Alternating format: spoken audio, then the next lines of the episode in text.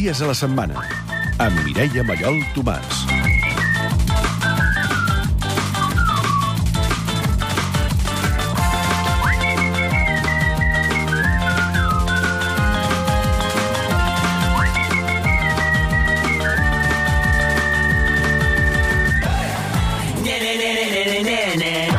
Les 6 i 6 minuts, tercera hora del 8 dies de la setmana, una hora on parlarem de memòria, una hora on també parlarem de mascotes i una hora on també parlarem de menjar, perquè l'Oriol Castro rematarà aquesta hora d'avui parlant-nos d'un menú òptim per tal de convidar a casa amics, molts, molts, molts i molts. una colleta, tindrà Però ara teníem entre mans un convidat d'excepció.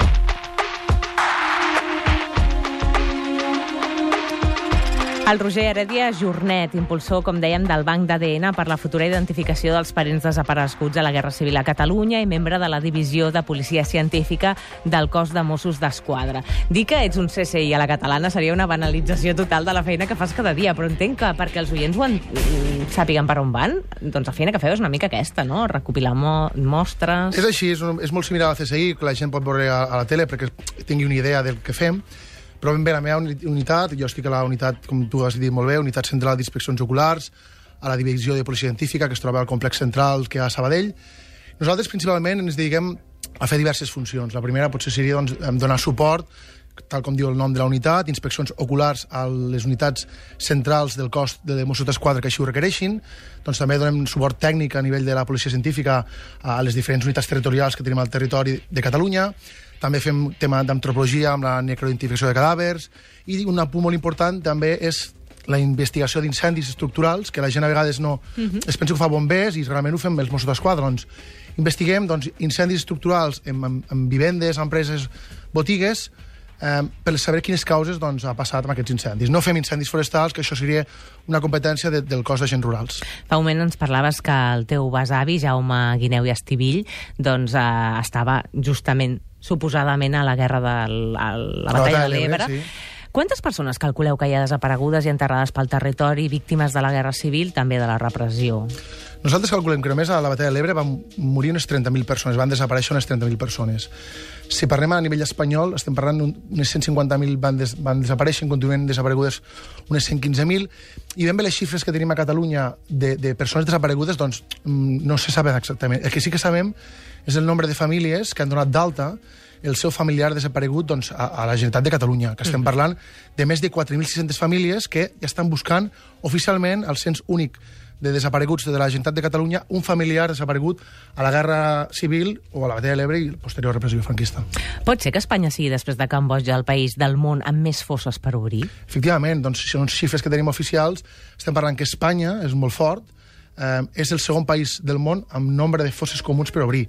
Estem parlant d'unes aproximadament unes 4.260 fosses comunes a Espanya. Evidentment, eh, any 2014, eh, un país amb democràcia que forma part de la Unió Europea, no és normal que continuem estant doncs, liderant aquest rànquing amb no memòria històrica uh -huh. per aquest apartat. Hi ha unes 240 fosses identificades, però només s'han obert dues, la de Gurb i la de Prat de Lluçanès. A tot l'estat doncs, continuen desaparegudes més de, jo què sé, 116.000 1.000 persones, persones, aproximadament. Vull dir, són 240 fosses comunes que tenim eh, localitzades oficialment al mapa de fosses que té el, el Memorial Democràtic, ens de, de la Generalitat de Catalunya.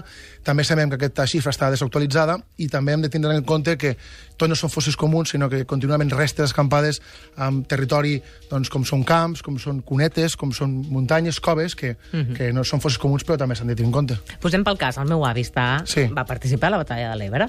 Uh, com funciona aquest banc d'ADN? Quin és el procés que ha de seguir una família que vulgui registrar-se? Què haig de fer, per tant, per trobar algun familiar desaparegut a la Guerra Civil? Primer, doncs, posar-se en contacte doncs, amb nosaltres. Els correus electrònics dels, dels dos impulsors és onetspadrijaume arroba gmail.com o, o on, on ets oncle Guillem arroba gmail.com eh, que ens expliquen la seva història familiar. Si busquen al cercador Google Banc d'ADN també sortirà informació.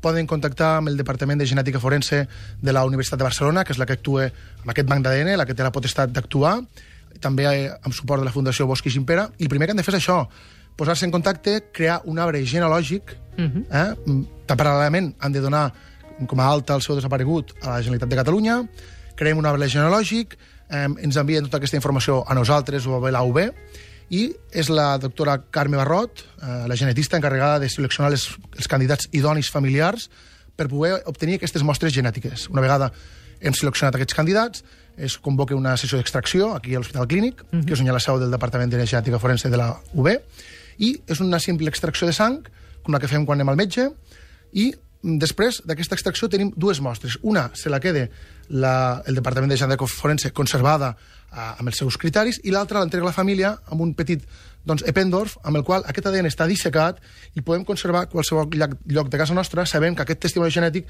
perdurarà pels anys i pels anys doncs, del nostre familiar per poder comparar quan s'exhumés aquestes fosses amb les restes que hi haurà al seu interior. Aquest és, el, és un protocol senzill, però a la vegada té tot el rigor suficient a nivell jurídic, legal i ètic per poder actuar com a banc d'ADN i que aquestes mostres serveixin per la futura comparació amb les restes dels familiars desapareguts. Té un cost, per això. I, evidentment, com tota aquesta via té un cost. Són 150 euros que m'agradaria remarcar que té que assumir la família. Uh -huh. per, què té que assumir, perdó, per què té que assumir la família? Nosaltres, quan vam crear aquest protocol, el que volíem era assegurar la mostra genètica dels familiars. No ens importava pagar, perquè el que volíem, el que estàvem veient era que s'estava perdent aquest testimoni, perquè els familiars directes estan morint. Clar. Han d'anar contra corrent. Aleshores, són 150 euros per mostra, que evidentment no és barat, i nosaltres creiem, bueno, ara mateix som unes 50 famílies en aquest banc d'ADN, i creiem que a vegades també pot ser, doncs, amb algun, es pot generar algun inconvenient perquè doncs, hi ha moltes famílies que ho estan passant molt malament uh -huh. avui en dia i, tot i això, que hem de pagar aquesta extracció, estem convençuts que finalment doncs, eh, assumirà els costos o subvencionarà en bona part la Generalitat de Catalunya doncs, aquesta, aquesta extracció. Abans em comentaves fora de micròfon que fins ara eh, tots els procediments que s'han portat a terme s'han fet una mica com a l'inrevés, no? que hem fet la casa per la taulada més cap als fonaments. Quina és la taulada, quins són els fonaments? Sí, jo sempre ho explico amb aquest símil perquè és molt fàcil d'entendre. Les polítiques de memòria que, que hem seguit doncs, a Catalunya eh, fins ara han, han, han prioritzat molt la dignificació, que està molt bé, que s'ha de fer. És a dir, s'ha seguit aquest camí però com tu explicaves molt bé, doncs, jo sempre poso que el cim i la dignificació és com construir la casa per una taulada.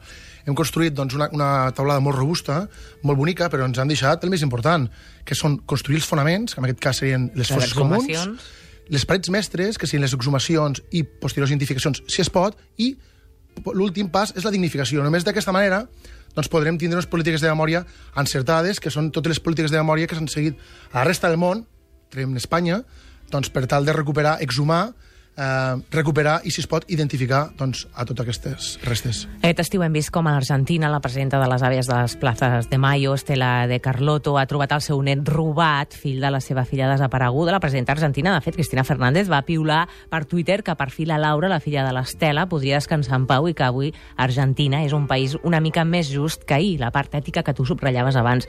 Això és difícil d'imaginar aquí? Us fa una mica d'enveja? Evidentment, ens fa molta enveja, però a la vegada ens, ens mostra el camí que hem de seguir.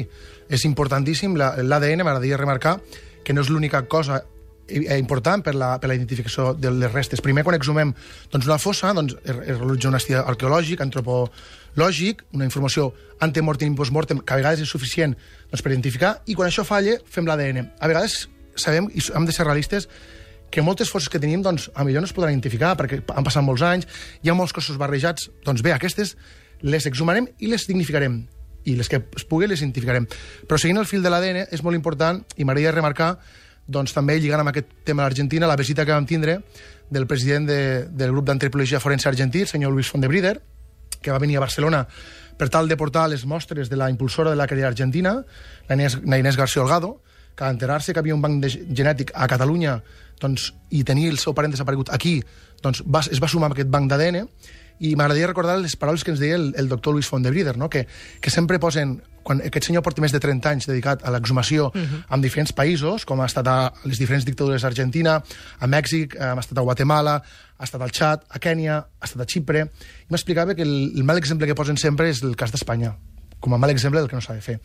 Em comentava doncs, que a l'Argentina tenen un banc genètic amb 9.000 mostres de famílies uh -huh. que han exhumat més de 1.200 cossos i n'han identificat més de 600. Clar, aquí estaves parlant de 50. Aquí som 50 famílies... Respecte a 9.000. Evidentment. Són 50 famílies que ens han sumat al banc d'ADN, però clar, aquestes 9.000 mostres que tenen allí són subvencionades pel govern argentí, perquè aquest departament està vinculat amb el govern argentí i el financia tant econòmicament com, com legalment. Tu també ets membre de la xarxa de suport a la querella argentina que víctimes del franquisme han dotat a la justícia d'aquell país. Quines esperances teniu posades en l'acció de la justícia argentina?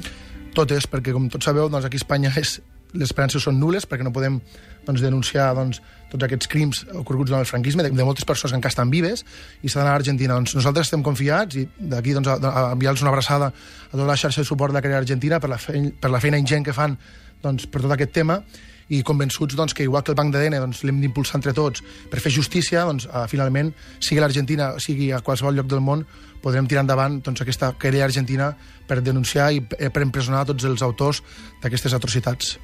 Argentina, com deien, s'estan fent aquestes tasques d'exhumació i que els fets siguin molt més recents que no pas la Guerra Civil Espanyola, i aquí encara passa coses com que un llibre de text escolar digui que García Lorca senzillament es va morir, no? Això és fortíssim. Aquest símil per exemple, sempre poso el símil d'Alemanya. Alemanya fins als anys 80 vam tindre doncs, el tema del nazisme. A partir dels anys 80 va canviar tot això i van començar per la base, que és dels llibres. S'ha de canviar la història dels llibres. Ha de sortir a la història espanyola que, els, que el, que el Gerard Franco va ser un dictador, va ser un genocida, va ser un exterminador, va ser un assassí, i això és fonamental per, per conèixer la història real espanyola. Si no canviem això, les futures generacions, és a dir, nosaltres l'esperança l'hem de tindre amb les futures generacions que venen al darrere. És a dir, són ells els que han de canviar el món. Nosaltres hem de començar a canviar-lo i ells han d'impulsar. I com tu molt bé deies, és molt fort que avui en dia encara tinguem llibres que reflexin un passat totalment irreal, totalment, totalment manipulat. És apassionat aquest home, eh? Sí, senyor, sí, senyor. I ara em ve el cap que fa, fa, fa poc una amiga meva va estar de viatge i se'n va anar a Nantes. I es veu que allà d'esclavatge, una ciutat d'esclavatge, que van fer barbaritats allà. I diu que això està tot arreu que, que tot a cada moment diu, són conscients de que van ser, de, de, del, del que van fer, del que van fer i del que va passar allà. I aquí, noi, aquí ni se sap, ni es deixa de saber, i calla, calla, no d'això no en parlis, i ja poder sí, que és veritat, que ha arribat l'hora ja de... de ara, ara és l'hora de fer-ho, sí, ara és, és l'hora de fer-ho, vull dir, sempre remarco unes paraules que vaig sentir d'un supervivent d'allà del Biberó, el senyor Joan, amb un llibre... La Quinta del Viveró, és veritat. De Quinta del Viveró. És d'aquesta, el meu avi. Doncs, efectivament, doncs vaig assistir a la presentació d'un llibre molt interessant que recomano a tots els oients de l'escriptora Assunta Montellà, que es sí. diu 115 dies a l'Ebre, sí, sí, sí. i el senyor Joan, a la presentació que va fer Corbera, deia que, que ell va ser un supervivent de la batalla de l'Ebre, que va anar, que ell pensava que no tornaria, si va estar sentint una abraçada pel senyor Joan, i quan va veure doncs, que va acabar, va tornar a casa amb molt esperança en la democràcia, ell deia que l'únic que va arribar va ser el famós pacte del silenci, pacte del silenci, que passats 40 anys de democràcia encara arrosseguem. Hem de treballar tots junts, és a dir, si volem ser un país amb gent normal i un país normal, el que hem de fer és impulsar polítiques de memòria eh, adreçades a l'exhumació i recuperació dels nostres familiars i fer justícia perquè ells són persones, estem buscant persones, persones que van morir eh, defensant el que més estimaven i que el, el que han de fer és tornar-los amb els seus familiars, que és d'on mai haguessin tingut que sortir. Fer una feina com la teva deu suposar a vegades a experiències dures, però també deu ser molt apassionant, oi? Sí, a nivell, parlem a nivell laboral, de la policia científica, o a nivell del, aquest projecte que estic portant de l'ADN és apassionant. Mira, jo sempre li comento doncs, a la meva estimada dona, que aquí és, és present, que, que cada dia em dedico a, al tema de l'ADN perquè m'apassiona. Cada dia hi dedico hores, fins i tot ara hem estat de vacances treballant perquè crec que no és un projecte privat, sinó és un projecte que se'n pot aprofitar tothom. La societat civil catalana ha de saber que existeix aquest projecte, hem de treballar per impulsar-lo perquè és un tema de justícia, justícia universal i la veritat doncs, que per mi doncs, m'encanta, continuem treballant no només jo, sinó eh, les... m'agradaria remarcar també que les associacions de memòria catalanes aquí han jugat un paper molt important. Sense ells, avui en dia no estaríem on estem. Uh mhm. -huh. Per exemple, l'associació Lo Riu, també amb la qual formo part, que se n'encarrega de la recuperació del patrimoni de la Batalla de l'Ebre, o l'associació, doncs, com has dit tu molt bé, de la xarxa de suport a la argentina, o els immolats. Gent que treballa dia a dia, que s'han fet part de la seva vida, que és la part de la memòria històrica, que tu a qualsevol moment els pots trucar, estan connectats a tot arreu per, per intentar recuperar, i aquest és el camí que hem de seguir. Primer, tot aquest esforç de la societat civil catalana i apoyats per les recomanacions dels tractats internacionals de la ONU doncs, que ens diuen el camí que hem de seguir, en aquest cas, el tema que estem parlant, que és la memòria històrica. Perquè com és el teu dia a dia, un dia a dia del Roger, com és? Bé, per exemple, avui doncs, jo tinc la meva jornada laboral, en aquest cas avui he treballat de matí, doncs he fet la meva jornada laboral, quan arribo a casa doncs, intento dinar, descansar una miqueteta i ja respondre doncs, totes les peticions que m'arriben mitjançant correu electrònic o coses que sé que tinc pendents només del banc d'ADN, doncs, intentar fer difusió, doncs, per exemple, que avui som aquí per explicar el projecte, que fa dues setmanes la ONU va publicar un informe molt dur contra Espanya amb 42 punts, doncs, que té que aplicar a Espanya en menys de 90 dies uh -huh. amb el tema de la seva memòria històrica, doncs fer difusió mitjançant xarxes socials, intentant buscar gent que ens pugui ajudar a impulsar tot aquest tema, eh, escoltar les peticions de famílies que t'arriben doncs, preguntant amb la seva història familiar, com la que tu molt bé explicaves, què pot fer per sumar-se al banc d'ADN, fent xerrades, evidentment aquest cap de setmana eh, vam estar doncs, a la Bisbal de Falset, al Priorat, fent una xerrada per explicar el banc d'ADN. Qualsevol acte relacionat amb aquest tema, doncs jo encantat de poder-ho fer per, per fer justícia. Nosaltres ens comprometem a que tots els oients que tinguin dubtes o que vulguin més informació, que analitzar aquesta informació te la farem arribar. Per tant, que si teniu algun dubte, avui dies arroba catradio.cat ens podeu fer arribar aquests dubtes. Nosaltres te'ls farem arribar de ben Val. segur, Roger, perquè creiem molt en la teva gesta, en la teva feina, en la teva passió. I t'agraïm moltíssim que hagis aprofitat doncs, el programa per uh, amplificar-la i explicar-la i perquè aquest dia a dia sigui encara més apassionant del que ja és. Moltes gràcies a vosaltres, un plaer com sempre estar en aquesta casa i en, entre tots estic segur que ho aconseguirem. Gràcies. A reveure. 8 dies a la setmana, perquè ens agrada estar amb tu.